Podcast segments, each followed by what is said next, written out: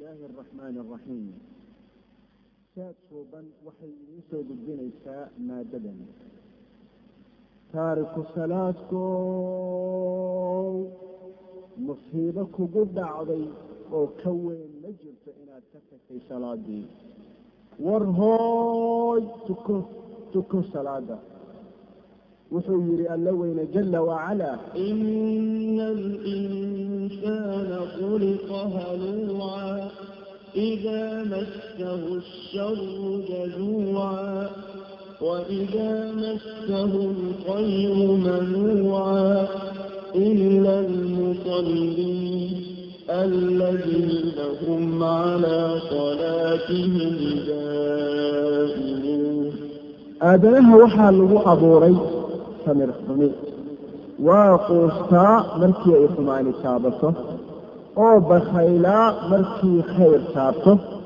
Waa waxaan ahayn muslimiinta ahlu salaadka ah ee daa'ima ee ku khashuuca salaadahooda.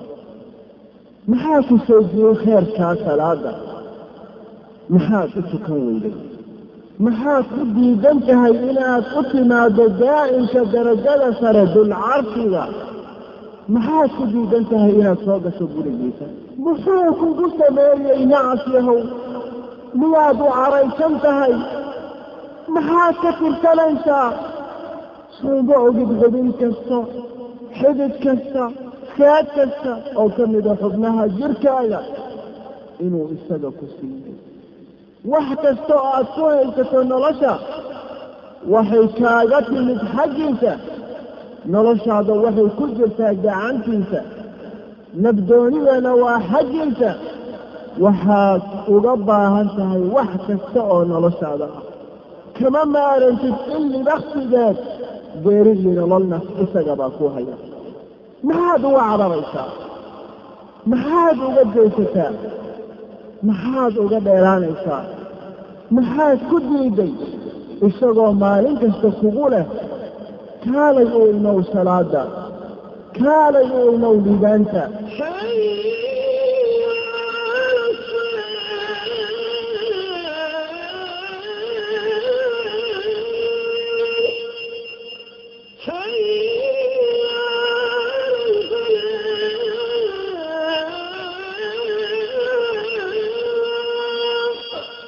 maxaa kuu diiday inaad tukato waa muxaadaro uu inoo jeedin doono walaalkeen cabdilcaziiz xasan yacquub. Bismi illaahi araxmaani araxiim alxamdu lilah wاsalaatu wasalaamu calaa rasuuli illah wacala aalihi wasaxbihi waman ihtadaa bihadyihi ilaa ywmi اddiin ama bacd gacalayayaal walaalayaal caawa waxaynu u yeeraynaa oo casimaad u fidinaynaa addoon alle ka xarig doortay. Waxaan isku dayaynaa inaan u soo jiidno khayr uu sheegay iyo xagga daa'imka rabbigeena si uu u hanuuno idinka alle oo loo huyo jannata firdows jannadaa dooga badan iyo taariku nacam kuma odhan karo walaalkay muslimka ahow waa ku odhan karaa sigaar cabka walaalkay muslimka ahow jooji cabidda sigaarka waayo cabidda sigaarku waa dembi digdigeenbana waan gafnaa. Allow noo dembi dhaaf allow na mari dariiqa toosan. Haweentaa isqaawisana aan jirkeeda qarin. Waxaan ugu yeeray walaashay muslimadda ahay astur jirkaaga. Waayo haweentaa soo bandhigta bilacdeeda oo bannaysa qaybo ka mida jirkeeda waxay la timid dembi foolxun oo ku gaftay xaqa rabbigeed digdigeenbana waan gafnaa laakiinse dembigeedu ma aha diinka bax marba haddii ay tukanayso. Waa sidaase waxaynu ugu yeernay haweentaa magaca islaamka si ay xumaha uga baxdo oo xijaabka islaamka u qaadato oo xishoodka u soo laabato oo nafteeda xurmayso. Taariku salaadkase sidee baan u idhaahdaa waa muslim iyadoo uu yidhi rasuulkii alle sala allahu calayhi wasalam waa gaal waa kaafir. Waxay igu noqotay dhibaato maxaan ugu yeeraa sideen u soo dhoweeyaa qofay alle iyo rasuulkiisa dheereeyeen. Sidee ula dhaqmaa. Wallaahi kuma odhan karo walaalkay muslimka ahow. Wallaahi kuma jeclaan karo taariki salaadkow. Adigoo nacab alle ah waan ogahay waxaad leedahay maxaa laygu xadgudbayaa maxaa laygu dafayaa ma anigaa nacab alle ah oo necab alle? Bal waan jeclahay alle.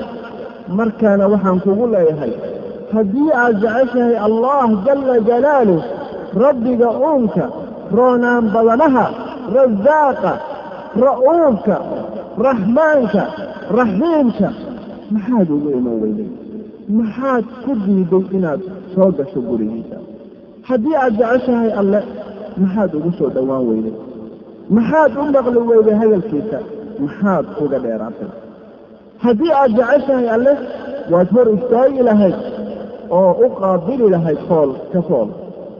Ma waxaad i leedahay haddaba allaan jeclahay anigu ma raba inaan ku beeniyo. Waxaanse ku weydiinayaa hal su'aal. Maxaa kuu diiday inaad tukato jawaab si aan ku kaalmeeyo. Balse waxbaha ii jawaabina waxaan doonayaa inaad naftaada weydiiso ku tidhaahdo maxaa ii diiday inaan tukado? Raggaa iyo haweenkaa tukada maxay iiga fiican yihiin? Maxay i dheer yihiin? Maxay iyagu u tukadaan oon anigu u tukan waayey iskaba dhaafkaa waxaan doonayaa inaad isweydiiso dadkaa rakuuca oo sajuuda maxaan uga fiicnahay? Maxaan dheerahay? Waxaan ku leeyahay waxaa suuragal ah inay kugu jirto isla weyni. Inay kugu jirto qabweyni ma waxaa kugu jira kibir? Aadan sababtii la doonayn inaad u dhigto foolkaaga dhulka allihii ku abuuray ee ku irsaaqa ma waxaa kugu jira kibir? Kuu diidaya hor istaagga rabbiga iyo inaad u saarto gacmahaaga sadriga isdhiid ahaan. May may may. Waa wax alle laga magan galo kibirka iyo isla weynida wuxuu yidhi nebigu sala allahu calayhi wasalam laa yadkhulu aljanna man kaana fii qalbihi mihqaala dara min alkibir. Janno ma geli doono qofka ay qalbigiisa ku jirto wax saxar la ego kibir ah. Haddii ay taasi jirtona waa musiiba waa mushkilad weyn hal baanse kugu leeyahay kaagani aan tukanow. Waxaan kugu yeerayaa magaran waxaan kugu yeeri alle addoonkiisow alle addoontiisaay. Nacam salaaddu waajib kuma aha ragga oo keliya. Waxay sidoo kale waajib ku tahay dumarka. Intay nafi kugu jirto salaadda waa xil iyo waajib ku saaran. Nin ama naagkaad ah tahay waana faral laga helo nuur naruuro laa furni iyo liibaan dad badan oo gaalo ah baa jeclaan lahaa inay tukadaan. Gaaladu ciil bay u go'aan. Markay arkaan muslim ku jira salaad waxay gantaan salaadda oo jeclaystaan. Adiguna ma tukatid salaadda? Siday ku dhacday? Rubamaa yawadu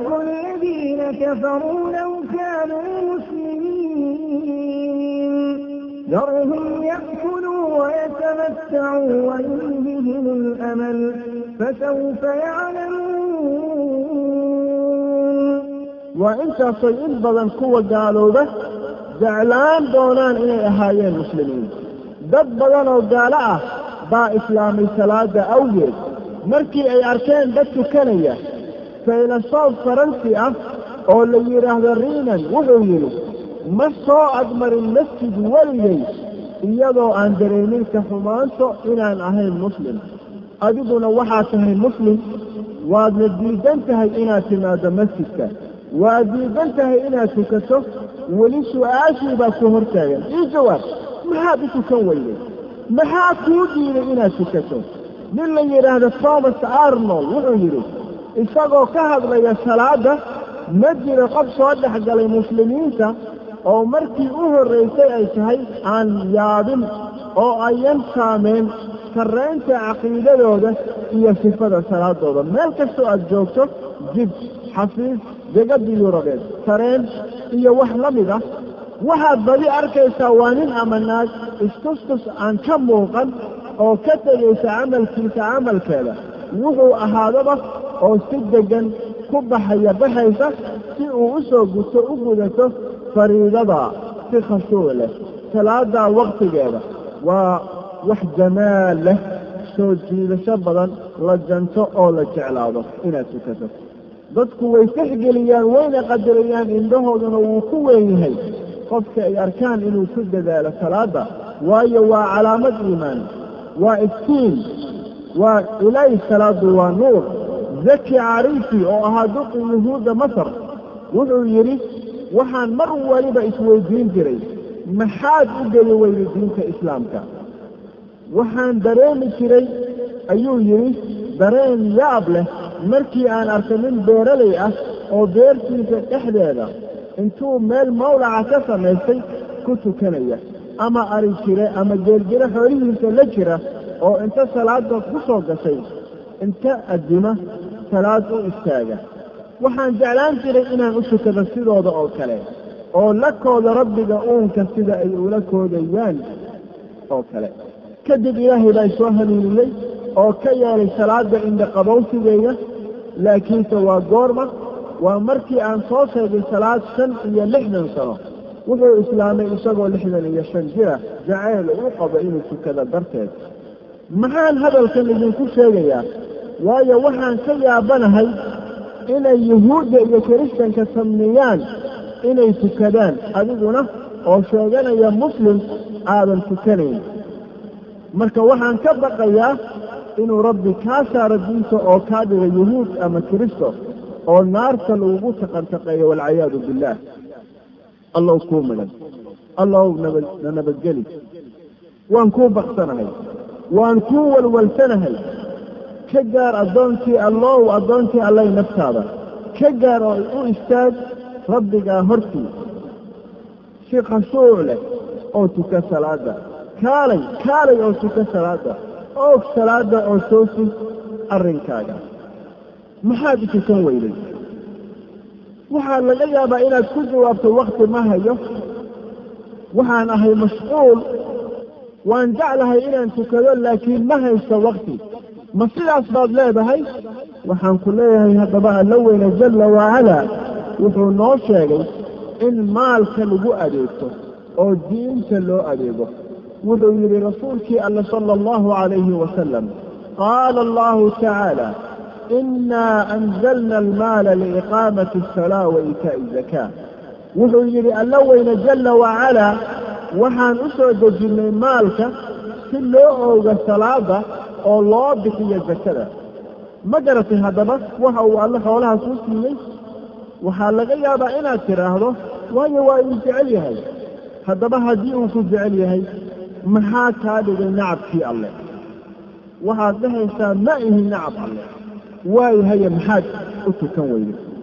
Maxaa kuu diiday inaad tukato? Wuxuu yidhi alla weyne jalla wacalaa أيها الذين آمنوا لا تلهكم أموالكم ولا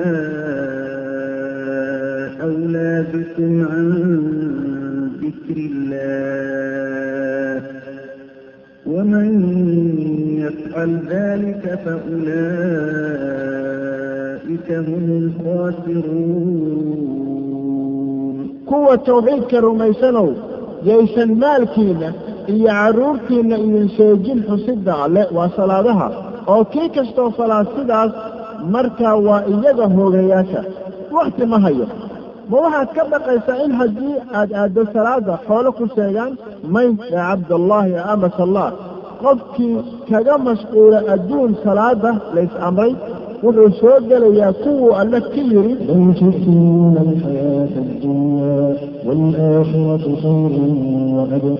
oo macnaheedu yahay maye waxaad doorataan nolosha adduunkan iyadoo aakhiro tahay midda wanaagsan oo daa'imsanaanta badan. Iyo kuwa walla ka yidhi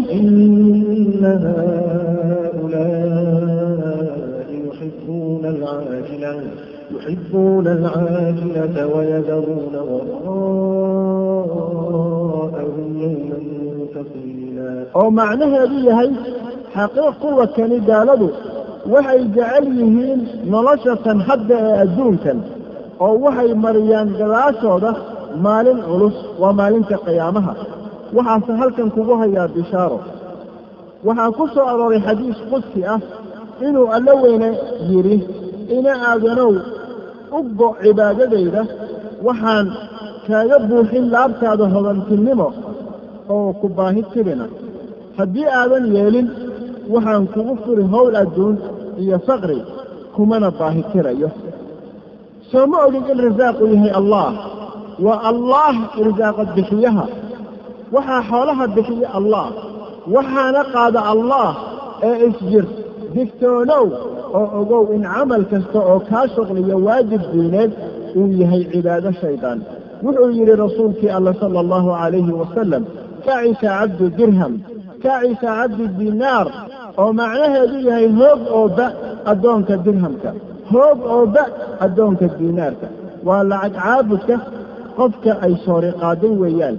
Habaar qabow hoogow shilin caabudkow kaagani aan doonayn inuu joojiyo shaqadiisa dhowr daqiiqo si uu masjidka kula soo tukado muslimiinta isagoo ka baqaya inuu khasaaro xoogaa lacag ah ogow waxaa tahay lacag caabud waxaa tahay minay soori qaaday waxaa ku roonaan lahayd inay seefi ku qaado dhegayso nebigu sala allahu calayhi wasalam wuxuu yidhi taacisa cabdu dirham taacisa cabdu dinaar hoog oo ba cabdu dirhamka oo hoog oo ba cabdu diinaarka dirham iyo diinaar waa noocyo lacagaha ka mid ah. Marka waxaa tahay hooge habaar qabe dulli dufku baxe.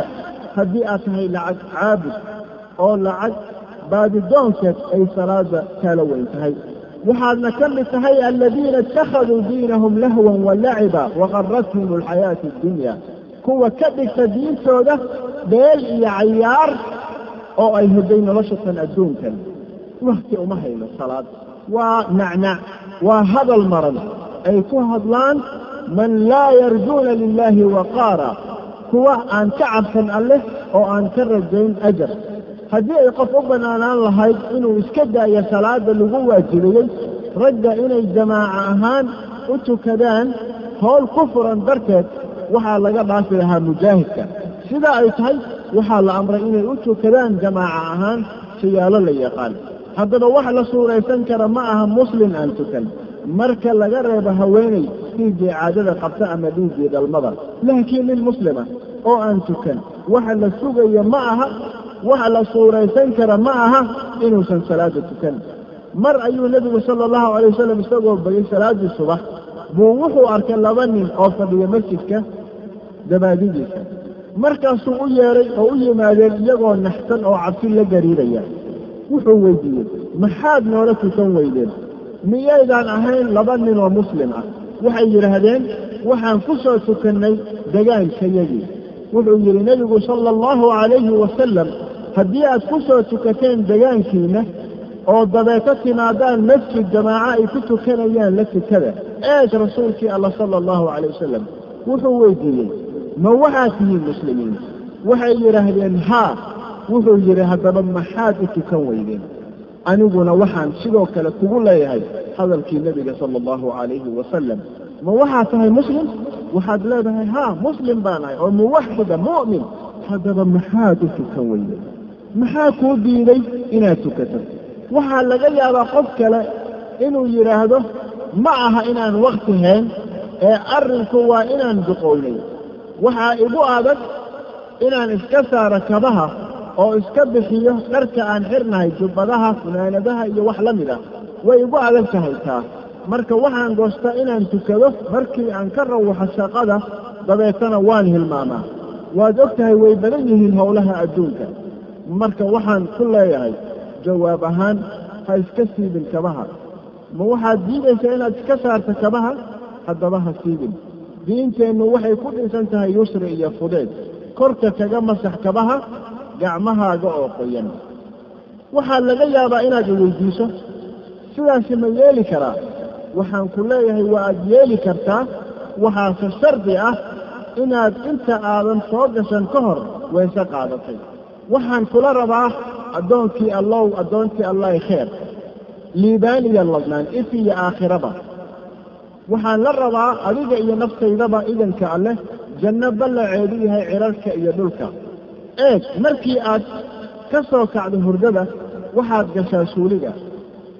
Ha ka soo bixin adigoo weyse qaba maahee ma garanaysaa sidee u weysaysanaysaa? U weysayso siduu u weysaysan jiray rasuulkii alla sala allahu calayhi wasalam haddii aadan garanayn noo soo sheeg si aynu si degdega kugu soo dirno kitaabka iyo cajaladda salaada.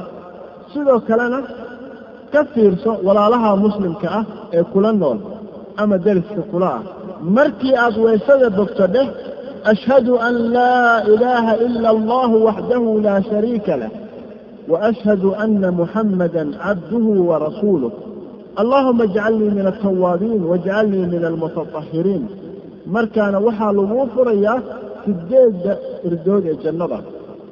Eeg inta ay kuu jirto jannada adigoose walaacsan wareersan maxaad u degdegtaa? Ma garanaysaa waayo waad jiibsataa ilaa wax yar ka hor wakhtiga shaqada. oo degdeg ku gashaa suuliga oo degdeg u labisataa oo degdeg u daadegtaa sidaas ha yeelin. Sii allihii ku abuuray ee ku irsaaqa shan daqiiqo oo keliya. Miyaadan u quurin shan daqiiqo.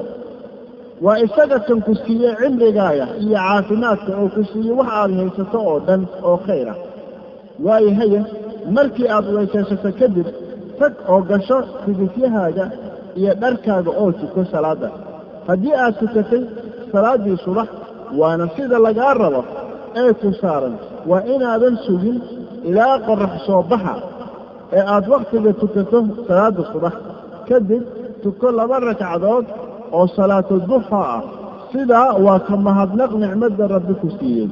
Intaas kadib bax oo markii aad weysaysanayso masax buudkaaga oo kadib tuko looma baahna inaad iska saarta kabaha. Waxaa laga yaabaa inuu qofka la yidhaahdo maxaad leedahay? Arrinku ma aha dhibsi kabasiilid iyo dhar iska saarid. Iyo wax la mida anigu waan jeclahay inaan tukado oo waan jeclahay salaadda. Mushkiladdase waxaa weeye salaadda way igu culus tahay.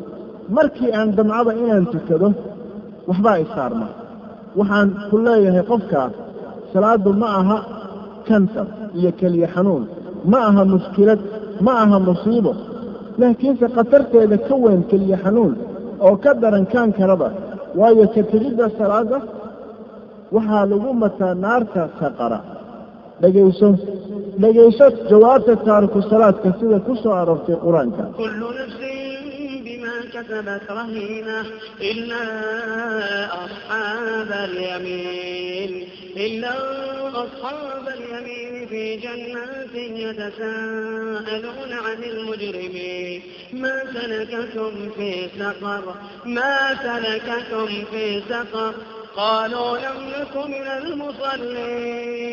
المصلين ولم نك نطعم المسكين وكنا نخوض مع الخائضين وكنا نكذب بيوم الدين حتى أتانا اليقين مركا لو يجي أهل النار maxaa sababay inaad igu kudashaan naarta waxay odhan doonaan kama aynu mid ahaan jirin kuwii tukan jiray salaada ma waxaad leedahay salaadda waa igu culus tahay? Waxaan ku leeyahay waxaa kaaga dhigaya khafiif inaad garowsato inaad tahay addoon alleh laakiinse inta aad ka baqayso maamulahaaga shaqada waxaad tahay addoonka maamulaha. Haddii aad u baqayso xoolo waxaad tahay addoon xoole. Haddii aad ka baqayso kaba aad iska saarto oo lagaa xado haddaba waxaad tahay addoon kabe. Wax kasta oo aad ka baqdo ama u baqdo oo ku seejiyo waajibka alleh oo kugu weyn in alle ka badan baa addoonkiisa tahay. Maalintasta aad tukato oo aad u hoggaansanaato rabbiga oo weynayso oo mudnaanta koowaad isaga siiso markaa waxaad tahay addoon alleh waxaad tahay muslim muwaxida. Salaaddana sideedaba ma cusla laakiinse markii aad u adeegtay shaydaan oo aad jidadkiisa qaaday markii aad qaaday jidka shaydaanka jidka habowga iyo hoogga shaydaan baa kuu horseeday taa oo kuu suureeyey oo kuu sahlay ku caasinta alleh oo kugu cusleeyey cibaadooyinka. Sidaa awgeed markii aad damacdo inaad xarigga iyo xiriirka ka goosato oo aad aaddo rabbiga muxuu yeelayaa shaydaan intuu kugu dhego buu ku leeyahay may aadi maysid kaalay gacalkaygiyo yaa sadaas ku leh shayddaanka wuxuu ku leeyahay sidee iga tagtaa xaggee iga aadaysa ila joog ha iga tegin. Hadowna muxuu ku odhan doonaa shaydaanka. Dhegayso qowlka alleh ee ka warramaya shayddaanka iyo xaaladdiisa iyo sida uu hadhow ku leeyahay. Wuxuu yidhi alla weyne jala wacalaa kamahali shayطaani id qaala lilinsaan ikfur falamaa kafar. فلما كفر قال إني بريء إني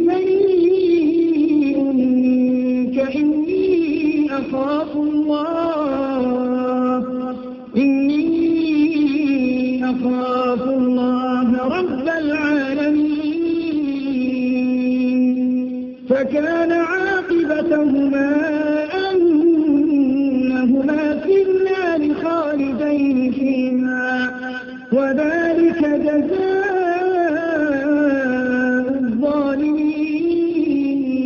الظالمين waa sida uu shaydaanka dadka u dago markuu ku yidhaahdo aadanaha ku gaalow alleh markasta uu qofku ku gaalooba allah shaydaanku wuxuu yidhaahdaa anigu beri baan ka ahay anigu waxaan ka baqaa allah rabbiga uunka eeg markii aad gaalowdabu wuxuu kugu leeyahay anigu beri baan ka ahay.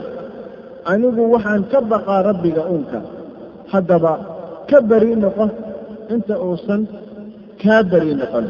Ka tag inta uusan ku hoojin. Ka carar inta uusan kuu jiidin cadaabta iyo carada alleh oo kaa dhigin gaal gafuur xume bud haddii aad leedahay salaadda way igu culus tahay. Mar kastoo aan damcana salaadda waxaa isaarno culays haddaba waxaan ku leeyahay la jihaad naftaada. Ma dhacday inaad mar aada hurdo iska weyday.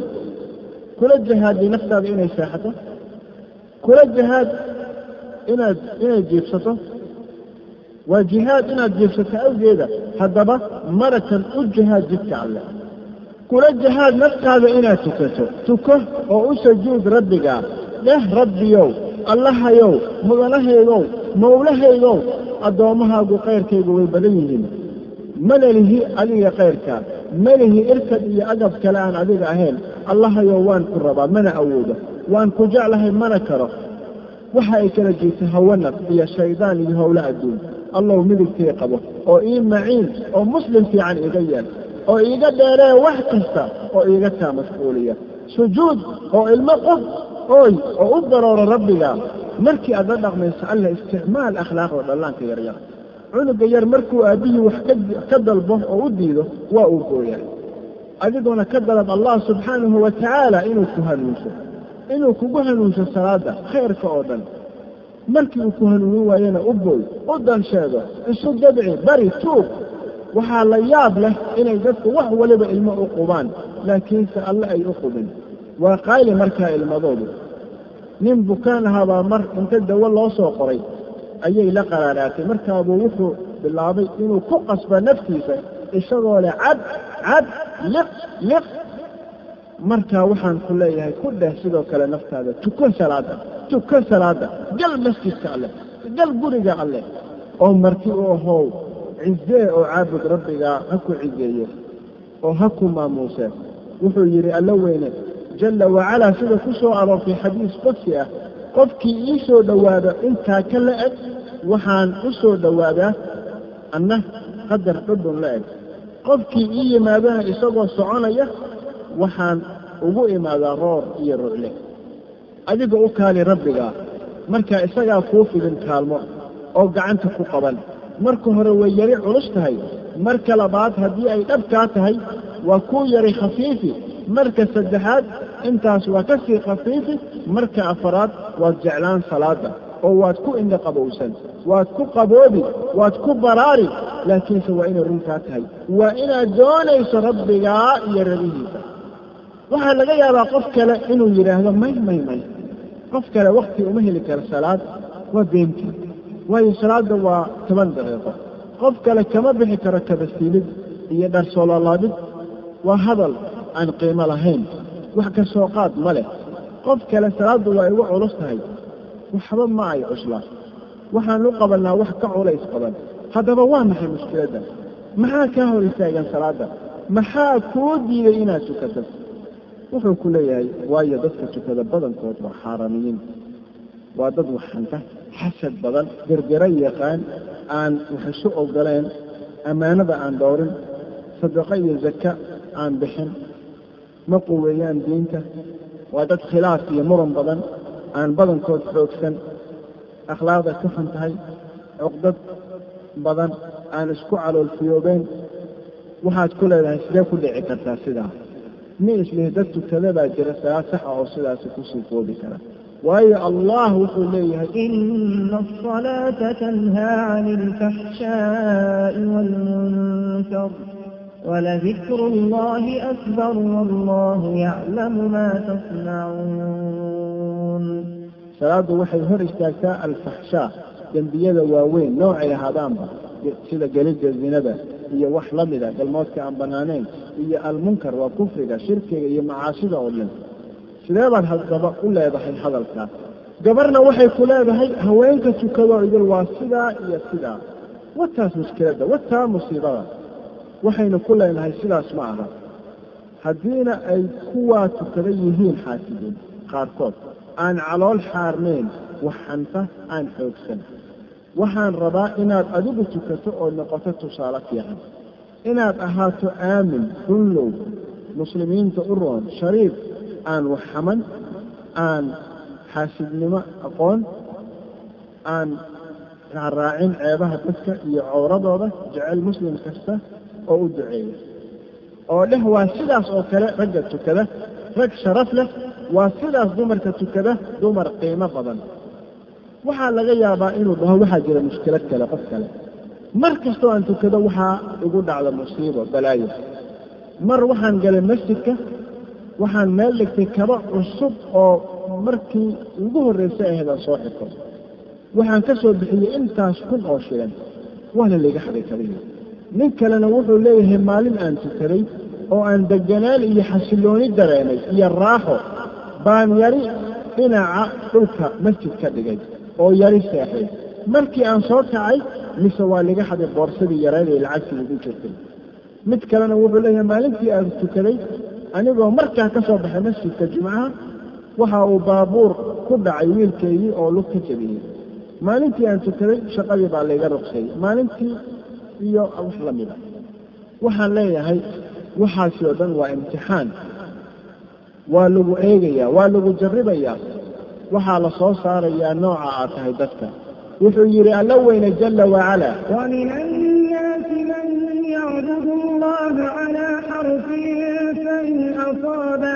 فإن به وإن أصابته فتنة انقلب على وجهه خسر الدنيا والآخرة. ذلك هو الخسران المبين. waxaa ka mida dadka mid isagu u caabudo alle si geesgees iyo xajirida yacni qaba shaki iyo walaac haddii uu khayr helo ku xasira khayrka iyo diinta haddiise jarribaad dhibaato arrin xun oo culus fitno hesho wuxuu isu rogaa weji weji. Yacni wuxuu dib ugu noqdaa gaalnimo islaamkii kadib wuxuu khasaaraa labadaba adduunka iyo aakhirada. Taasaana ah khasaarada weyn. Marka ha baqin ha xumaan markii ay musaabo kugu dhacdo dheh alxamdu lilaahi calaa kulli xaal. Dheh rabbow waan ku sabraa dhibka iyo imtixaanka. Ma didayo ma diidayo xaqa ma darsanayo sidaasna waxaad ku mudanaysaa maxabbada alleh iyo nicmooyin aan la koobi karin. Qof kale ayaa waxaad weydiinaysaa maxaad tukan weyday wuxuu ku leeyahay arrinku ma aha salaada. Waxa muhiimka ah waa qalbiga. Qalbigaygu maadaama uu cad yahay khalaas dib ma jiro. Mushkiladdu ma aha salaad. Anigu alxamdu lilaah qofna uma geysto dhib qofna ma hanto. Cidna iskuma diro. Xaasid ma ihi waan u xamdiniqaa rabbigay waan jeclahay. Mar bana haddii aan leeyahay laa ilaaha ila allah oo qalbigaygu cad yahay dhib ma jiro. Waxaan leeyahay kaasoo kale qalbigaaga axad og ma jiro aan ahayn allah. Waa suuragal inuu qalbigaagu cad yahay laakiinse anigu ma ogin.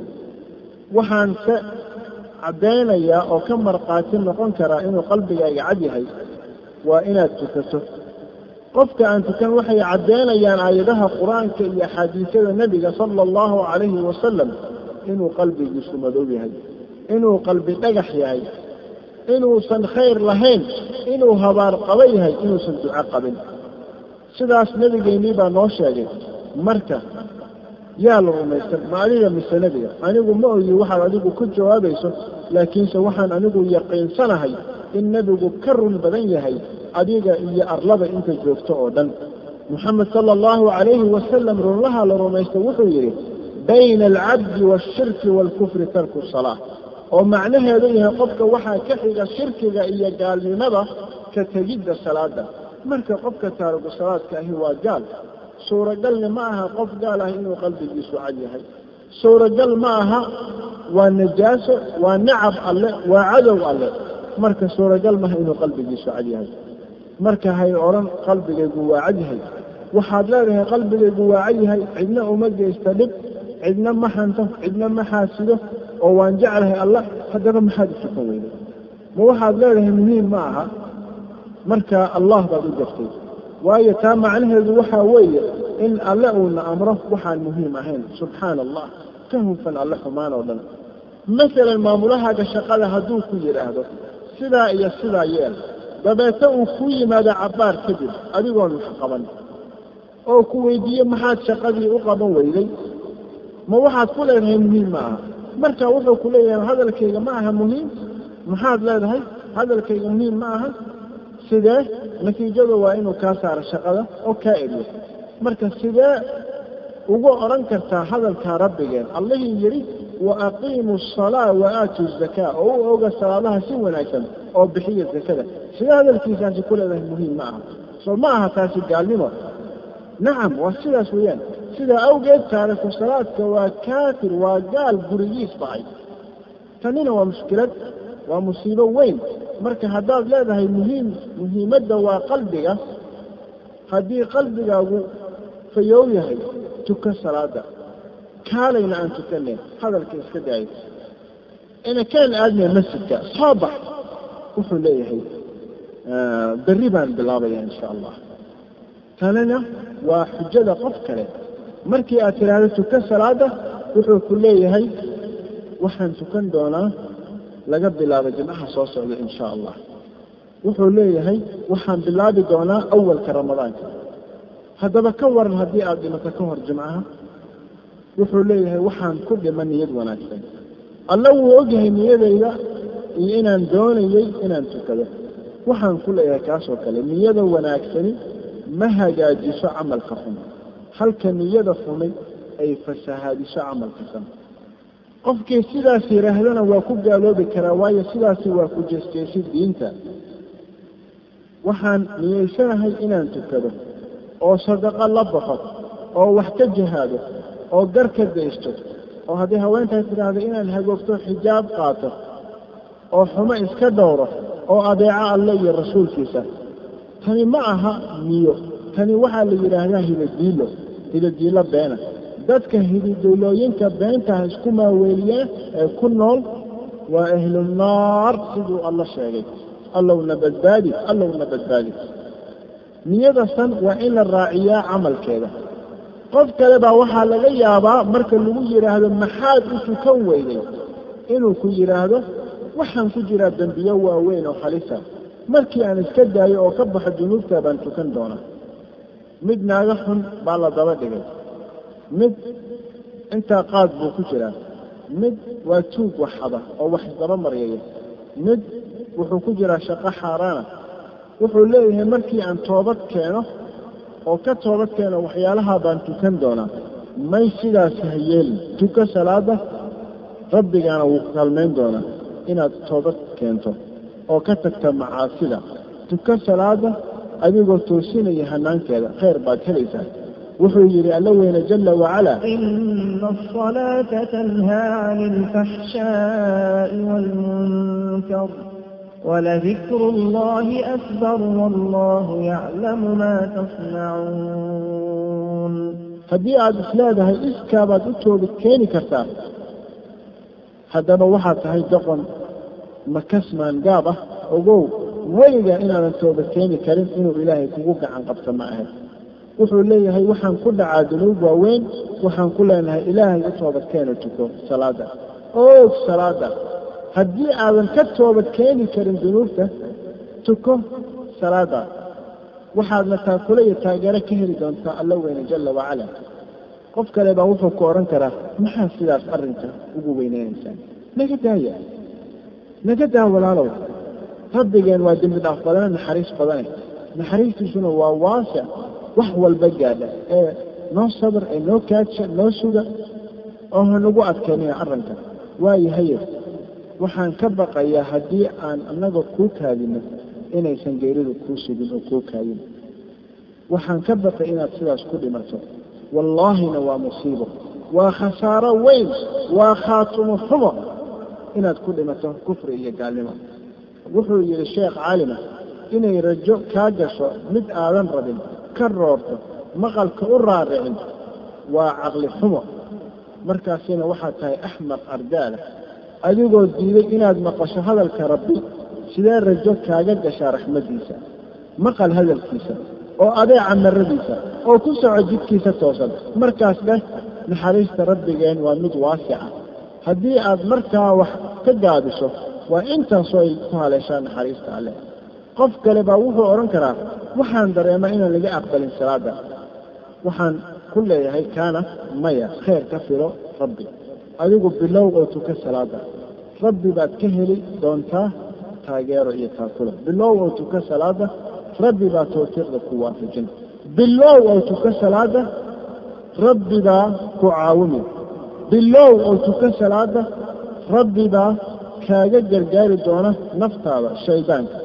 Bilow oo tuka salaada rabbi baa kaa aqbali markii aad khayr ka filato oo kaa raalli noqon walaalayaal maxaynu u tukannaa marka hore waayo salaadu waa hooyadii cibaadooyinka. Subxaana almelik subxaana allahi alcadiim. Salaadu waxay kaga duwan tahay cibaadooyinka kale oo dhan. Wuxuu amray alla weyne jalla wacalaa inay wada saamayso nafta iyo jirka oo idin. Wax muuqda iyo wax qarsoonba. Waxaa la amray addoonka inta uu ku jiro salaada inay wada saamayso salaadiisa qalbiga iyo carabkiisa xubnihiisoo dhamme wuxuu yidhi alla weyne jalla wacalaa waquumuu lilaahi qaanitiin. Oo macnaheedu yahay oo u istaaga alle horti si khashuuc iyo adeecsanaan leh. Wuxuuna yidhi rasuulkii alle sala allahu calayhi wasalam ina fi salaati la shuqla. Salaadu waxay leedahay shuqul iyo howl. Sidaa awgeed waxaa ka xaaraan ah qofka ku jira salaada cunid iyo cabid iyo docdhuwasho iyo dhaqdhaqaaqa badan halka cibaadooyinka kale marka laga reebo salaada la saaro xubno oo laga daayo xubno kale. Soomanaha waxaa u bannaan inuu hadlo oo uu dhaqdhaqaaq sameeyo. Mujaahidka waxaa u bannaan inuu neecsado oo hadlo. Xaajiga way u bannaan tahay inuu inuu caddo. Salaadase waxay kulansatay dhammaan noocyada cibaadooyinka. Salaada waxay dhinac uga eg tahay xajka. Waa xagga ujeesiga qiblada waxay dhinac uga eg tahay soonka. Waxaa kaa reeban cunid iyo cabid adigoo ku jira salaad. Waxay dhinac uga eg tahay jihaadka waa xagga sugnaashada digtoonida. Waa cibaado dhan oo saamaysa qalbiga caqliga jirka iyo carabka. Carabka waxaa saaran salaada gudaheeda inuu la yimaado shahaadateynka takbiirta cuudubillaysiga qabsashada bisinka akhrinta qur'aanka subxaanalaysiga xamdinaqa dembi dhaaf dalabka ducaysiga xubnahana waxaa saaran rukuucda qiyaamka sujuudda qumaati ujoogsiga kordhig iyo hoosdhig iyo fariisi caqligana waxaa saaran salaada gudaheeda inuu la yimaado u fiirsi u fakerid fahmid dhuuxid qalbigana waxaa saaran khushuuca nuglaanta cabsida damaca magansiga alleh rajaynta alleh.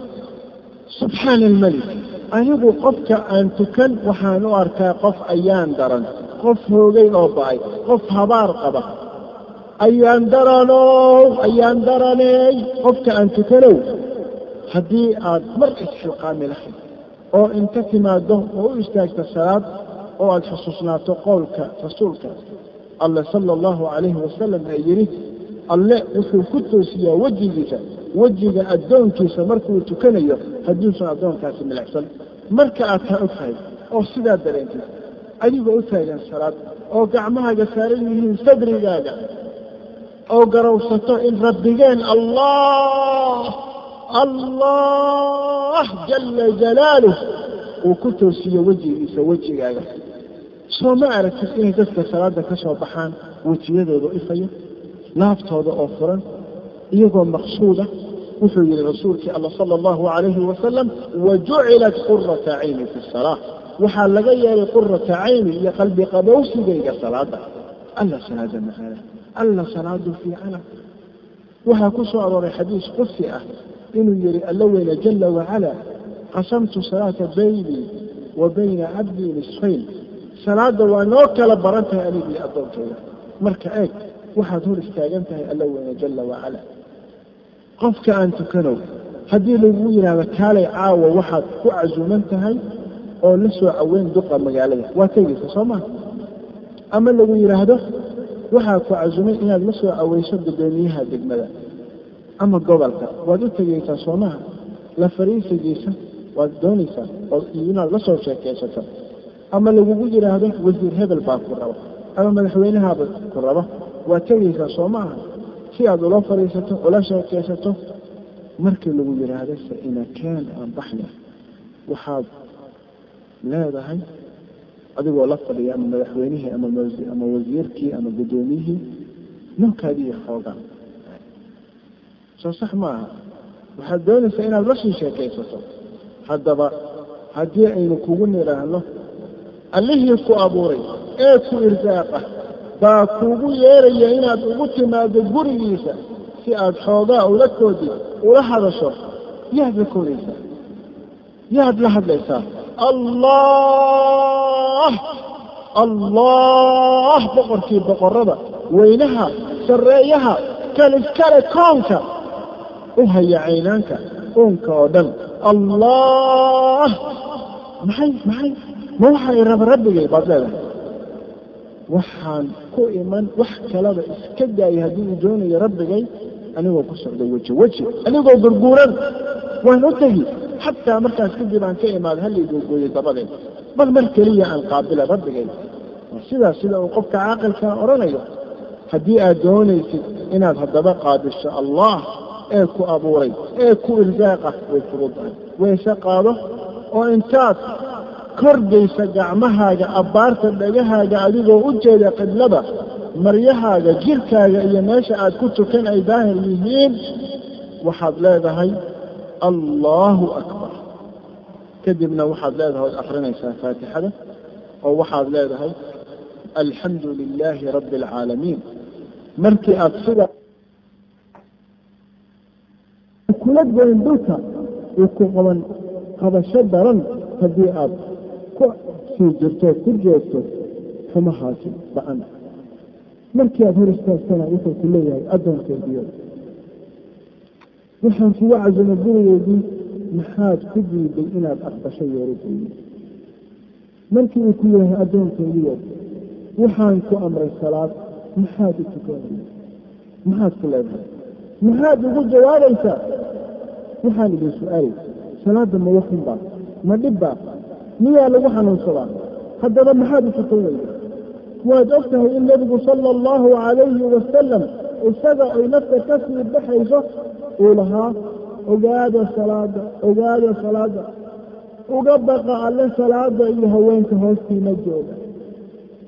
Yaa sidaas ku dardaarmay waa rasuulkii alla sala allahu alay wasalam haddii uu aabbaha kuu dardaarmi lahaa oo ku odhan lahaa markii aan dhintamaandow sidaas yeel waxaad odhan lahayd waa dardaarankii aabbahin? Waa inaan oofiya waa inaan fuliya dardaarankii nebigana sidaad u gelaysaa nebiga aad u iman doonto maalinta qiyaamaha maalinta qiyaamo ay qoraxdu u soo dhowaan doonto madaxyada adigoo qaawan qaracansan cadacad qalbi jabsan kusiga dunuubtaadii dhabarkaaga adigoo socda aad ku timaado dar biyo badan biyihiisu ka cad yihiin caanaha ka macaan yihiin malabka adigoo haraad ba'an qaba. Calooshaadana gaajo ay la gogo-ayso. Dhididkuna ku wada qooyey. Oo markaasi aada aragta nebiga ojraaya waa kuma kan oo lagu yidhaahdo waa nebi maxamed sala allahu calayhi wasalam oo aada faraxdo. Oo kala badbadato oo ku orado adigoo leh rasuulkii allow oo markaas uu kugu yidhaahdo iga duruq duf ku baxa. Duf ku bax waxaan ku iri tukan mana aadan tukan waa yaada sidee noqon markaa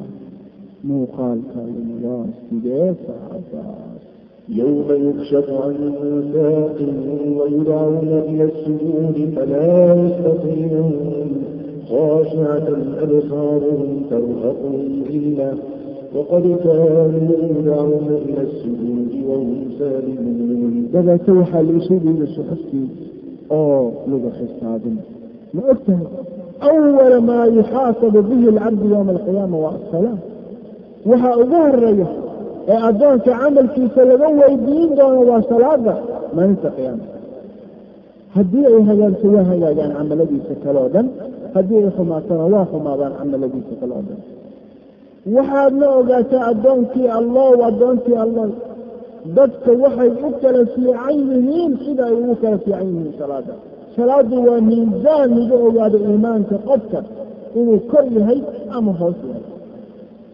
Wuxuu yihi alimaam axmed ibni xambal raximah اllah ogowna qofka qadarka uu islaamka qalbigiisa ka joogo waa qadarka ay ka joogto salaada agtiisa. Islaamna wax uguma yaallo oo qayb kuma leh qof ka taga salaada. Dadka waxaa lagu kala ogaadaa fadligooda siday u kala ilaaliyaan oo u kala daryeelaan salaada. Salaada waa miqyaaska saxa ee qofka lagu ogaado diintiisa. Haddii aad doonayso inaad ogaatid halka aad ka joogtid islaamka eeg halka ay salaada ka joogta qalbigaaga wuxuu yihi rasuulkii alla sala allahu calayh wasalam qofkii doonaya inuu ogaado waxa alla agti u yaal ha eego isagoo waxa alla agti u dhigtay ama uu ku leeyahay. Sidoo kale salaadu waa calaamadda xisbiga alleh oo liibaana wuxuu yihi alla weyne jalla wacalaa mu'miniinta rag iyo haweenba waa awliyaa heliyayaal taageerayaal saaxiibo difaacayaal midkoodba kan kale. Waxay amraan almacruuf waa tawxiidka islaamka iyo dhammaan waxau islaamka amro qof inuu falo waxayna ka reebaan dadka almunkar waa shirkiga iyo gaalnimada noocay ahaadaanba iyo dhammaan waxa islaamku xaaraameeyey waxay u oogaan salaadaha si wanaagsan oo bixiyaan zakada oo adeecaan alle iyo rasuulkiisa waa kuwaasi kuwa heli doona naxariista alle dhegeyso dhegeyso والمؤمنون والمؤمنات بعضهم أولياء بعض يأمرون بالمعروف وينهون عن المنكر ويقيمون الصلاة ويؤتون الزكاة ويطيعون الله ورسوله أولئك سيرحمهم الله إن الله عزيز حكيم وآية رسول الله subxaana almalik ulaa'ika sayarxamuhum allah kuwaasi alle kama qaadi doona naxariistiisa korkooda kaalahow naxariista alle cid kastay gaaraysa naxariista alle oo keliya waxa helaya kuwaa kuwaa oo keliya wuxuu yihi alla weyne jala wacala sidoo kale واصبر نفسك مع الذين يدعون ربهم ربهم بالغداة والعشي يريدون وجهه ولا تعد عيناك عنهم تريد زينة الحياة الدنيا ولا تطع من أغفلنا قلبه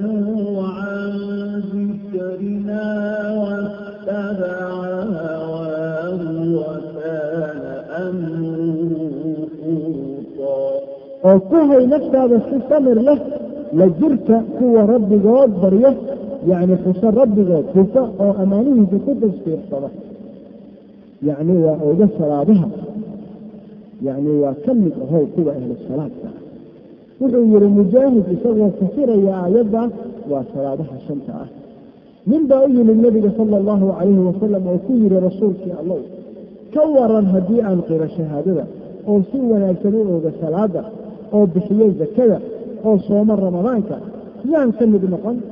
Wuxuu yihi waxaad la meel noqon sadiiqiinta iyo shuhadada iyo saalixiinta. Bishaarayso qofka tukadow bishaarayso. Dadka tukada rag iyo haweenba waa iyaga owliyada alleh aanay cabsi korkooda ahaan doonin aana murugoyn doonin. Qofka taariku salaadka haysa wuxuu ka mid yahay xisbiga shaydaanka. Waa xisbiga shaydaanka. Waa xisbiga shaydaanka. Salaada waa waxa wax ugu wanaagsan oo lagu jiro ee qofkii badsan kara salaada ha badsada nebigu sala allahu calayhi wasalam wuxuu tukan jiray habeenkii iyo maalintii afartan salaadood. Toddoba-iyo toban farala laba-iyo toban sunno joogto ah oo raatibo ah. Intaa waa sagaal iyo labaatan iyo kow iyo toban oo qiyaamu leyl ah waa afartan salaadood sidaad ogtihiinna alle markii hore wuxuu ku farad yeelay addoomihiisa konton salaadood waayo waa faral weyn markaana waxay habeenkii micraajka. Waxaana lagu soo farad yeelay samada dhulka laguma farad yeelin oo waxaa lagu soo amray nebiga toddobada sano korkooda.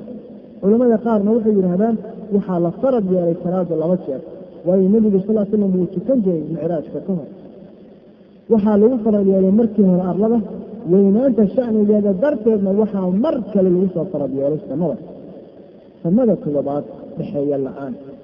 Alla weyne kuma odhan jabriilow gaarsii moxamed sala allahu calayhi wasalam amarka salaada ee wuxuu kor u keenay nebiga sal slam xagga samada toddobada samo korkooda oo amray salaada markii hore wuxuu saaray konton salaadood. Kaasii cuslaysto shanta salaadood. Haddii ay konton salaadood ahaan lahaayeen maxaa marka waxaa waajib kugu ah inaad jeclaato nebiga sala allahu calay wasalam waayo nebiga sal slam markii la saaray konton salaadood wuxuu dib ugu noqday alle mar laba iyo saddex jeer isagoo ku leh rabbigow ummadayda waa daciif ee ka khafiifi markaasna laga khafiifiyey ilaa laga soo reebay shan salaadood. Wuxuuna yidhi markaa kadib alle maa yubadalu lqowlu ladaya hadalka iga soo fulaa ma aha mid la bedelo waa shan salaadood xagga camalka ahse konton salaadood xagga ajar tuko salaadood waxaad qaadan ajarka konton salaadood haddii aadan sidaa yeelin walleecaaqkaas ka bixi maysid ciil ciriiri iyo ciribxumo salaada sidoo kale waa bedelid wejiga nolosha waa bedelid fikirka qofka hanaankiisa nolosha waxay kaa yeelaysaa inaad noolaato nolol ka duwan sii xumayd ciriiriga ahayd waxaad ku noolaanaysaa hab islaami ah. Gurigaaga wuxuu noqon guri islaam. Waxaad wax ku cuni hab islaaminimo ah sidoo kale cabidaada waa hab islaamina fariisagaada istaagaada bixidaada soo iyo habla dhaqankaaga dadka waxaasoo idinga isbedelayaan oo qaadanayaan weji islaamnimo sidoo kale aadaabtaada siyaaradaada habkaad dadka u booqatay habkaad qaraabadaada u xiriirinaysay baariwaalinimadaada jiddi waxay qaadan weji la yaab leh qorxoon weji islaamnimo waa sidaas wanaagsan siday kuu bedelay waxaa sidaas qofka u bedelayo waa salaada. Ma maqasho nebi shucayb waxaa la yidhaahdaa khatiibkii ambiyada. Wuxuu ahaa rasuul loo diray reer madyan siduu la joogay buu wuxuu mar ku kadiyey qoynkiisii oo ugu yeeray tawxiidka iyo alla kacabsiga iyo toosnaanta. Dhegayso oo dhuux aayadahan wuxuu yidhi وإلى مريم أخاهم شعيبا قال يا قوم اعبدوا الله ما لكم من إله غيره ولا تنقصوا المكيال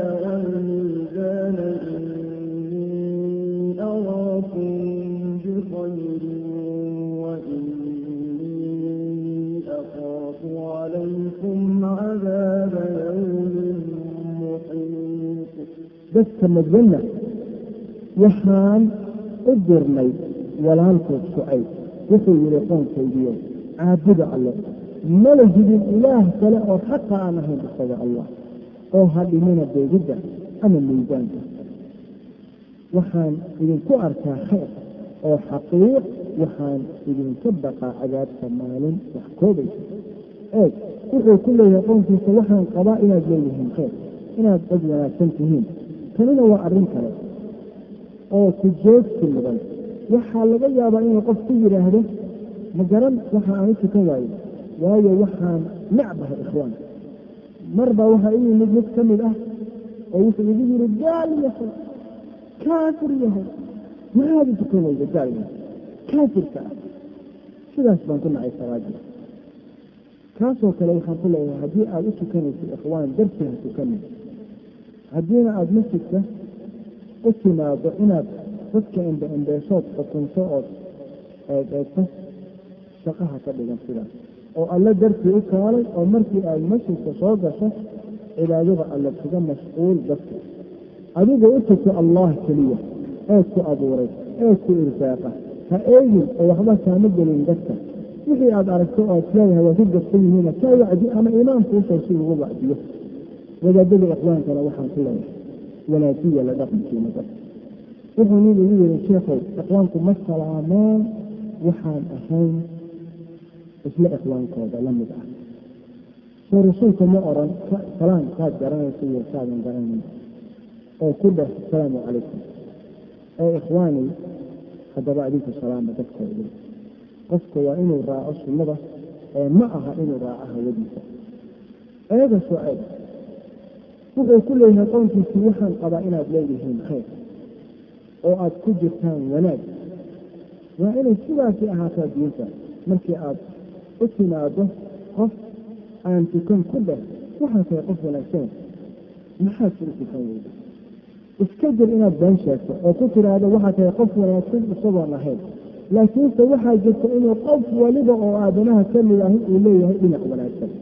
Miyaanay sidaa ahayn waxaad arkaysaa qof aan tukan wuxuu arkayaa masjid la dhisayo markaasu intuu ku yimaado ku leeyahay kuwa kani waa dhowr jawaan oo shamiiso ah. Aan doonayo inaan ku darsado masjidka ama waxaad arkaysaa in haddii agtiisa wax lagaga sheego diinta ama ahlu diinka uu dagaal ku galayo arrintan oo difaaciyo diinta iyo dadkeeda sooma dhacdo.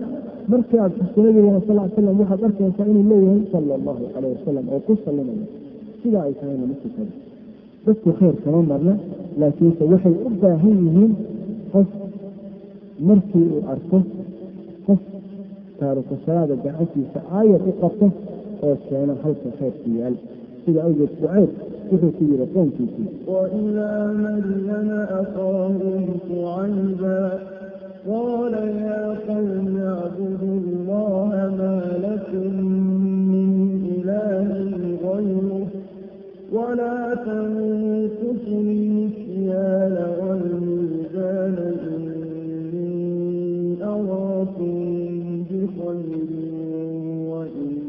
وإني أخاف عليكم عذاب يوم محيط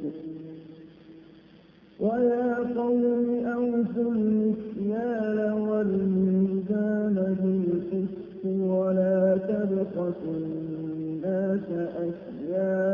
أشياءهم ولا تعثوا في الأرض مفسدين بقية الله خير لكم إن كنتم مؤمنين وما أنا عليكم بحفيظ waxaan idinku arkaa khayr oo xaqiiqdii waxaan idinka baqaa cadaabta maalin wax soobaysa qoonkaydii u oofiya beegidda iyo miisaanka si cadaalada oo ha ka dhimana waxyaalaha ay u leeyihiin xaqa dadka oo ha ku farina fasahaada carriga idinkoo wax bixinaya waxa uu idiin reebay alla idinka kadib bixintiina xuquuqda dadka baa idiin wanaagsan haddii aad tihiin mu'miniin aniguna liima saarin dushiina ilaaliya ahaan maxay ku yidhaahdeen wayna yaabeen waa maxay waxaa kale maxaa kugu dhacay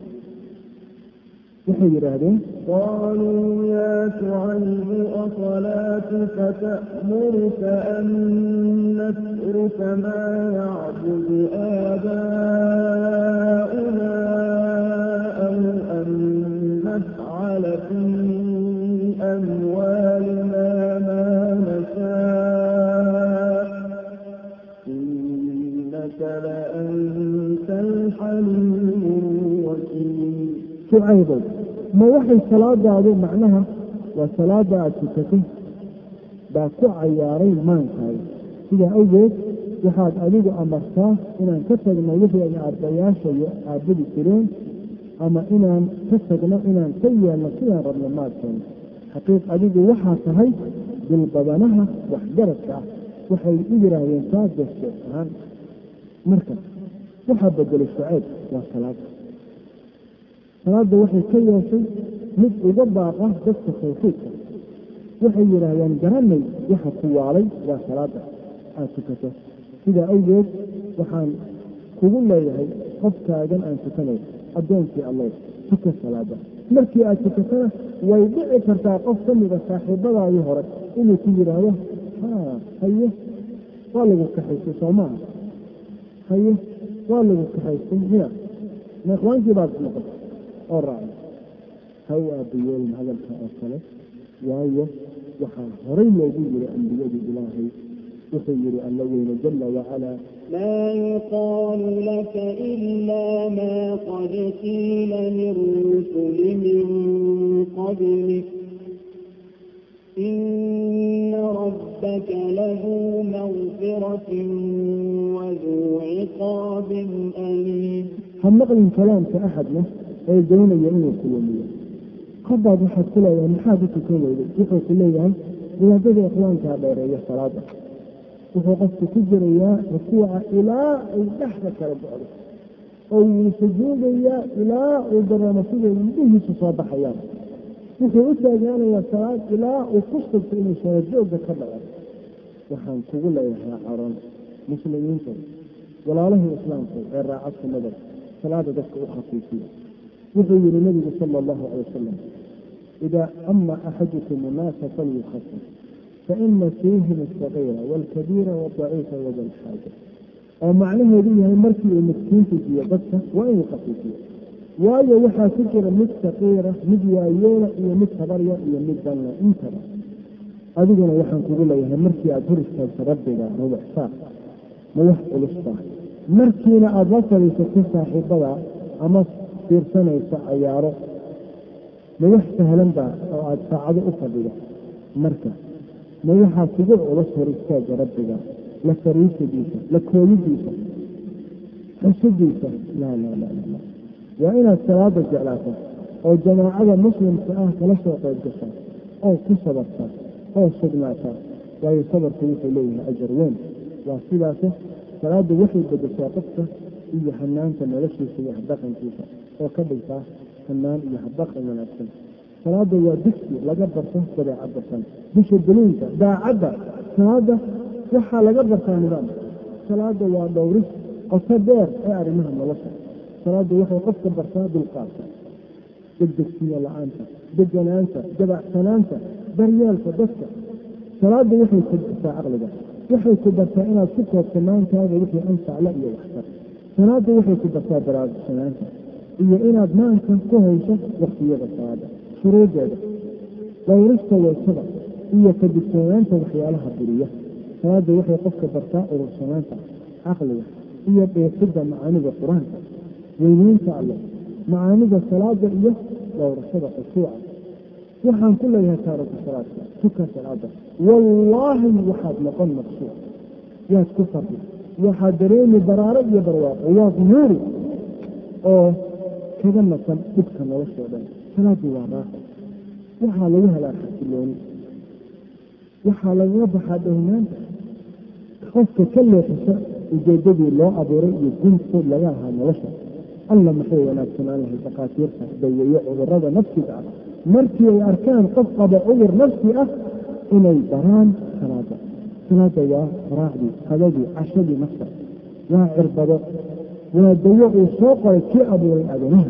Asraarteedana uusan ogeen ilaahay ma aheen waxay haraad jirtaa oonka nafsada.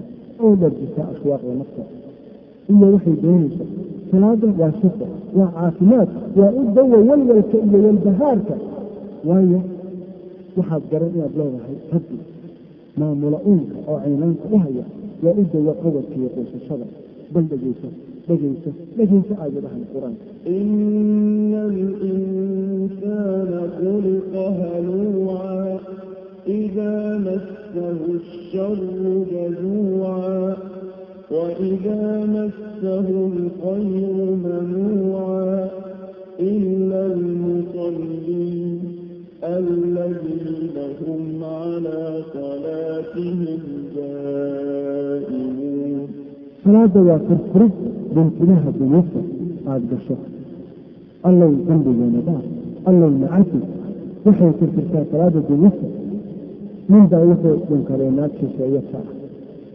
markaasuu nabiga sal llahu calayhi wasalam u yimid oo u sheegay waxaa ka dhacay. Markaasuu alle soo dejiyey aayaddan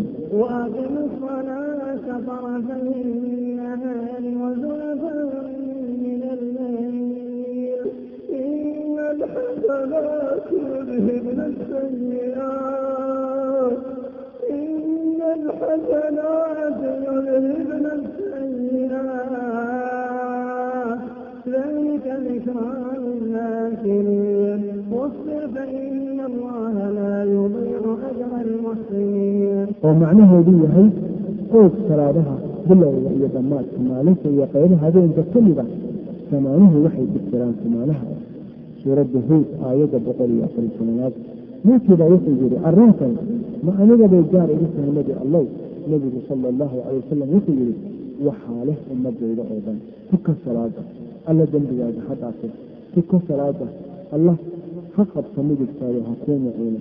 Tuka salaada haddii la yidhaahdo ha tukado uun qofaan dembiile ahayn qofna nagama tukadeen. Tuka salaada haddii aad dembaabtana toobad keen oo tuko haddii aad u laabatana dembigii mar labaad toobad keen oo tuko haddii aad u laabatana dembiga mar saddexaad toobad keen mar saddexaad oo tuko mar tobanaad toobad keen oo tuko markii kumaad toobad keen oo tuko ha ka harin salaada yuusan kaa hayn shaydaan yuusan ku hoojin shaydaan tuka salaada mar kasta waayo salaadu waa u kasaara dad xumaanaha oo waxay kusirtaa jasadka wuxuu yihi nabigu sala allahu calay wasalam ara'aytum low ana nahran bibaabi axadikum yaqtasilu minhu kula yawmin khamsa maraat min daranihi min shay qaala wuxuu yihi laa yabqى min daranihi shay qaala wuxuu yihi nabigu sal salam kadalika mislu sanawaati alkhams yamxu allahu bihina alkhataaya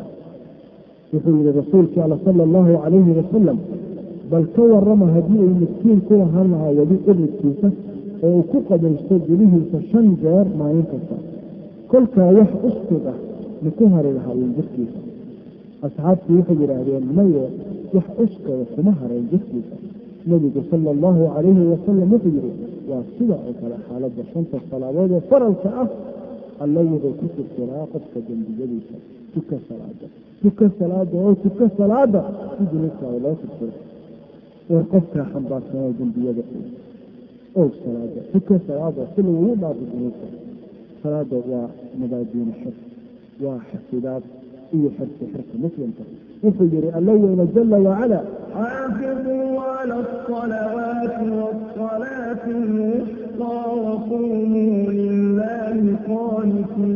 oo macnaheedu yahay waxaa sida si dhan shanka salaadood faralka ah gaar ahaan salaada dhexe. Dhexe macnaha waa kan u wanaagsan waa salaada casar oo u istaaga alle hortiis idinku adeersan marka dhowr salaada si ay kuu dhowrto xus alle si uu kuu xuso oo si ballanka iyo axdiga alle aada la gasho si uu isakiisa kuugu oofiyo u gargaar diintiisa si uu alle kuugu gargaaro marka dhowr salaada si ay salaada kuu doorto sideeday salaada kuu dhowraysaa waxay kaa dhowraysaa macaasida wuxuu yihi allageena jala wacala إن الصلاة تنهى عن الفحشاء والمنكر ولذكر الله أكبر والله يعلم ما تصنعون xaqiiq salaadu waxay hor istaagtaa alfaxshaa zinada iyo salalka dembiyada heexan iyo almunkar kufriga iyo shirkiga iyo macaasida oo dhan waxay kaa dhowraysaa dalada iyo bar mashaakilada musiibadaha wuxuu yihi alla weyne jala wacala واستعينوا بالصبر والصلاة وإنها لكبيرة إلا على الخاشعين الذين يظنون أنهم ملاقو ربهم وأنهم إليه راجعون. oo ku raadsaga kaalmo sabarka iyo salaada waxay kaa dhawaysaa cadaabta qabriga qofka aanu salaadka ahayd wuxuu ku jiraa xerada alle iyo xifdigiisa axdiga alle iyo amaamadiisa wuxuu yihi rasuulka alle sala alla ly slam man salla subxa fahuwa fii qofkii tukada salaada subax wuxuu ku jiraa ammaanka alle. Sida aweed istila oo ka cabsada in alle idiin soo raacdo wax ammaanadiisa ka mida yacni iska jira inaad ku xadgudubtaan qof salaada subax jamaaca ahaan masjidka ugu tukaday. Waayo kii ku xadgudba waa qof ku xadgudbay wax ku jiray ammaano alle.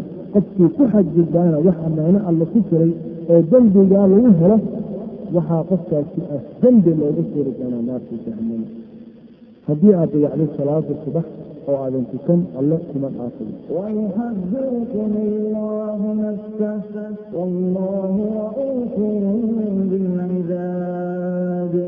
wuxuu alle idinka digaa naftiisa macnaha ciqaabtiisa qofkii ku tukadaa salaada subax jamaaco wuxuu ku jiraa ammaanka alle. Qofkii ku xadgudba wax ku jira ammaanka allena waxaa qofkaasi addembi loogu suuri doonaa naarka jahannama. Addoonyahow alle ogow in kategidda salaada ay tahay gaalnimo iyo kufri waa sidaase kategidda salaadu waa kufri iyo gaalnimo wuxuu yihi alleyna jala wacala تابوا وأقاموا الصلاة وآتوا الزكاة فخلوا سبيلهم إن الله غفور رحيم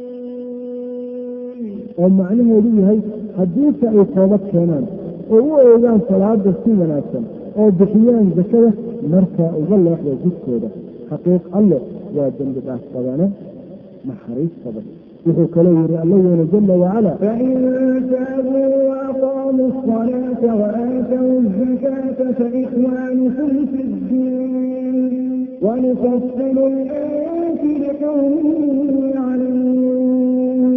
oo macnaheedu yahay haddiise ay toobad keenaan oo u oogaan salaadaha si wanaagsan oo bixiyaan zakada waa walaalihiin diinta wuxuu yihi rasuulkii alla sala allahu calayh wasalam laysa bayna alcabdi waalkufri washirki ilaa tarku salaa kama xigaan qofka kufriga iyo shirkiga? Waxaan ahayn ka tegidda salaada. Wuxuu kaloo yihi nabigu sala allahu calayhi wasalam alcahdu aladii baynana wa baynahum asalaa faman tarakahaa faqad kafar oo macnaheedu yahay ballanteenu waa salaada. Qofkii ka tagaana waa qof gaaloobay dhegeysa hadalka saxaabadii iyo horaankiisa bana ee ummaddan cumar ibn alkhadaab allaha ka raalnaqo wuxuu yihi islaam shaqo kuma leh iyo qayb qofkii aan tukan. Cabdullaahi ibni mascuud allaha ka raalnaqo wuxuu yihi qofkii aan tukan diin male cabdullaahi ibni shaqiiq alcuqayli wuxuu ka soo wariyey abu hurayra inuu yihi asxaabtii nebiga sala allahu calayhi wasalam uma ayan arki jirin camal laga tago kufri iyo gaalnimo salaada ma ahayn abu darda allaha ka raalnaqo wuxuu yihi ma leh iimaan qofaan salaad tukan salaadna ma leh qofaan u soo weysa qaadan ibraahim allaha u naxariistay wuxuu yihi qofkii ka taga salaada waa gaal. Ayuuba takhassaani wuxuu yihi ka tegidda salaada waa gaalnimo aan marin ku jirin. Axmed ibni xambalna allaha u naxariistay wuxuu yihi uma banaana nin inuu la joogo oo qabo naag aan tukan naagna uma banaano inuu la joogto oo u dhaxdo nin aan tukan ibn aljawsina allah u naxariistay wuxuu yihi qofkii ka taga salaada isagoo maankiisa jooga oo uusan ka maqneen markhaati ma galo. Oo ma banaano in wax cuno ama loo guriyo ama lagula noolaayo guri keliya hadda wuxuu odhan karaa taariku salaadka magaal diinta gabadha ka ah baa gaal weyne mise waa gaal gaal gaalnimadiisa ka sokaysa gaalnimadii weyneyd waxaa leenahay waa gaal sida ay nusuusta iyo aayaadka qur'aanka iyo xadiista nabiga sal slam u caddeeyeen. Laakiinse intaynu ka nimaano khilaafka culimmada masalada baan waxaan ku leeyahay qofka taariku salaadka ahi. Ma wax ku raalli gelin baa in sheegashadaada islaamku noqoto mas'alad ay ku jirto shaki oo culimmadu isku qabtaan. Sidaasuu ku raalli gelin inaad maxal shaki noqoto oo la isweydiiyo. Ma wuxuu la mid yahay yahuud iyo christian mise majuusiga caabuda lo-da iyo dadka mise waa muslim iyo gaal wada jira. Miyay ku raalli gelin in islaamnimadaadu ay dood gasho? Koox ay leedahay waa gaal waa mushrik diinta dabadda ka ah. Kelihiisa iyo xoolihiisa iyo dhiiggiisu xurmo ayaan lahayn. Ma midna nolol bal madaxa dowladda muslimka waa inuu u dhageeyaa gaal murtada ahaa waxay leeyihiin kuma banaano inaad guursato gabar muslimada waxay sidoo kale yidhaahdaan ansixi mayso inaad u noqoto weli u guuri kara gabar ulaad waxay leeyihiin sidoo kale ma dhaxli kartid ilmahaaga iyadoona kuma dhaxli karaan. Waxay leeyihiin haddii aada dhimato ma banaano in lagu dhaqo ama lagu kaflo ama lagugu tukado ama lagugu aaso qabuuraha muslimiinta. Waxay leeyihiin waxaad ku waaraysaa jahanama la jirka fircoon haamaan qaaruun iyo abujahal iyo abulahab iyo ubay ibn khalaf sidaa culimmada qaar baa qaar kalena waxay leeyihiin waa muslim faasiqa faajira caasi ah in la dila ay tahay oo qudha la jaro. Ka goyn ahaan dembiga halista hooweyn ee qaadkiisa laga soo qaray xag alleh haddii aad ku adkaysato ka tegidda salaada. Ma jeceshahay in sidaa lagaa kala qabo oo laisugu kala khilaafo raalli ma ka tahay sidaas in lagu yidhaahdo faajir ama kaafir faasiq ama mulxid mujrim ama gaal yahay sidaasi raalli ma ka tahay wallaahi baan anigu sidaas kula jecleen waxaan kula jeclaa inaad tahay muwaxid mu'min dhegeysa haddana hadalka culimmada intii hartay wuxuu yihi maxamed ibni nasr almarwin wuxuu yihi waxaan maqlay isxaaq ibni rahwiya oo leh waxaa ka sugnaaday nebiga sala allahu calayhi wasalam inuu taariku salaadku yahay gaal waana sidaas ra'yiga ahlu cilmiga kan iyo waayigii nebiga sala allahu calayhi wasalam in qofkii ka taga salaad uga taga kas iyo maad cudur gaar la'aan ilaa oo waktigeeda baxa uu yahay gaal.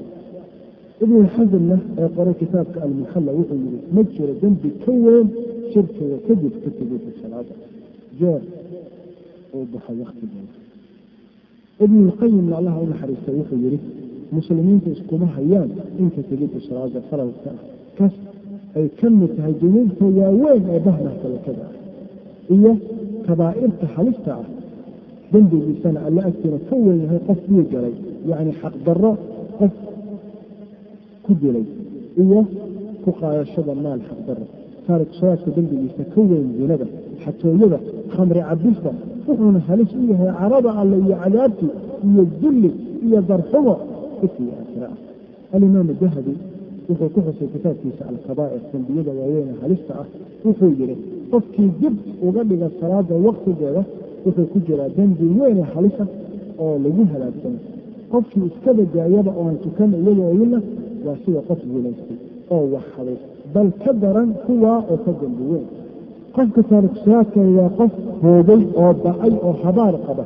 Waa khasaare qabe waa shaqi waa mujrim dembiile ah khayr daran ka daran gacanku dhuuglaha ka xun zaaniga macsidowda zaaniyadda ka tegidda salaada waa sabab keenta in lagu tiinbado xaaraanta ku tiinbashada xaaraantana waa sabab keenta in qofkeeda lagu tiinbiyo naarta jahanama sada la yidhaahdo weyn iyo saqar wuxuu yihi alla weyne jala wacala faweylu lilmusalliin aladiina hum can salaatihim saahuun hoog waxaa le kuwa tukada salaadaha munaafiqiinta ee ka degdega salaadahooda waktiyadii loo xadiday ee la cadeeyey. Wuxuu kaloo yihi alla yeela wacala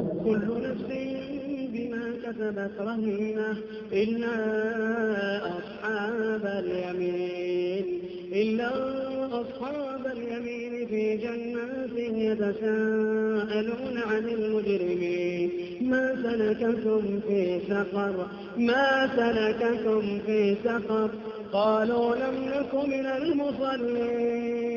المصلين ولم نكن نطعم المسكين وكنا نخوض مع الخائضين وكنا نكذب بيوم الدين حتى أتانا اليقين من ولد وهو الصعبان dayicidda salaada iyo kusiinbashada xaaraanta iyo gelidda dembiyada. Wuxuu yihi alla weya jala wacala faqalafa min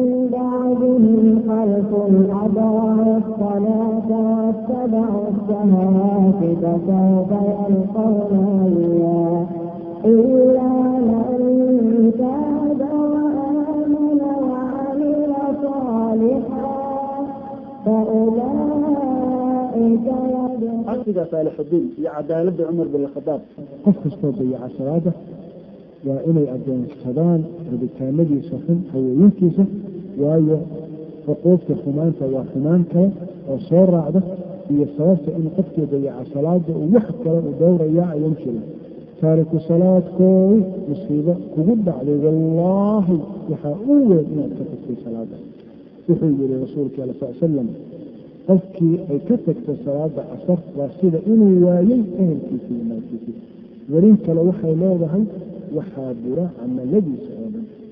Waxaa naxdinla inaad aragto qof taariku salaada oo iska socda oo iska yimaada oo aan dan ka lahayn oo ayan taaban ka damqan ka tegidiisa salaada bal waxaad arkaysaa isagoo qoslaya oo cayaaraya oo sheekeynaya oo kabsanaya oo aan dareensaneyn weyneynta dembigiisa iyo foolxumada ficilkiisa.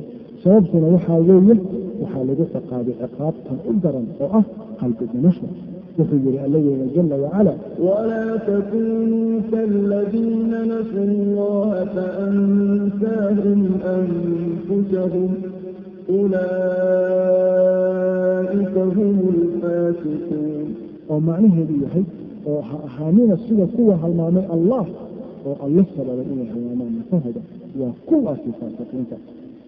Marka waa hilmaansan yahay naftiisa wuxuu kaloo yihi allah jala wacala nasu llaha fanasiyahum waxay hilmaameen allah markaasuu isna halmaamay iyaga. Marka ma waafajintoodaba waayo waxaa la daboolay qalbigiisa. Hadduuna addoonaysid in laga qaado daboolka qalbigaaga tuka salaada qofkaad waxaad ku leedahay tuka salaada wuxuu ku leeyahay markii alle isoo hanuunsadaan tukan doona tuka salaada alla ha ku hanuuniyo. Wuxuu yihi rasuulkii alle sala allahu calayhi wasalam layantahiyanna aqwaamin can wadicihim iljumacaat ow layaktimana allahu calaa quluubihim uma layakuunanna min algaafiliin rawaha muslim. Dadku waa inayan dayicin salaada jumcaha. Haddii kale allah wuxuu furi doonaa qalbiyadooda. Oo wax ah lagu furin doonaa markaa kuwa ah moogayaasha doohnayaasha ka doonan xusubka alle qofkana u shaqaysto hagaajinta adduunkiisa. Walow uu haribo aakhiradiisa isagoo moodo inuu falayo wanaag isjir digtoonow waxaa ka mid ahaa ducooyinkii nabiga sala allahu calayh wasalam allahuma laa tajcal musiibatana fii diinina. Allow hanaga gelin musiibo diinteena allow noo dhoor diinteena ayaybanaya nooga dhicin ugu dambeyntiina waxaan ku su'aali taariku salaadkooda salaadu ma ganaxda salaadu ma waktilumisba salaada ma silac iyo saxariirba mise billaa salaada mise salada la isku xiraa iyo jeebado salaada ma jirkay u dhintaa ma maankay waxyeeshaa salaada ma maankay dayacda?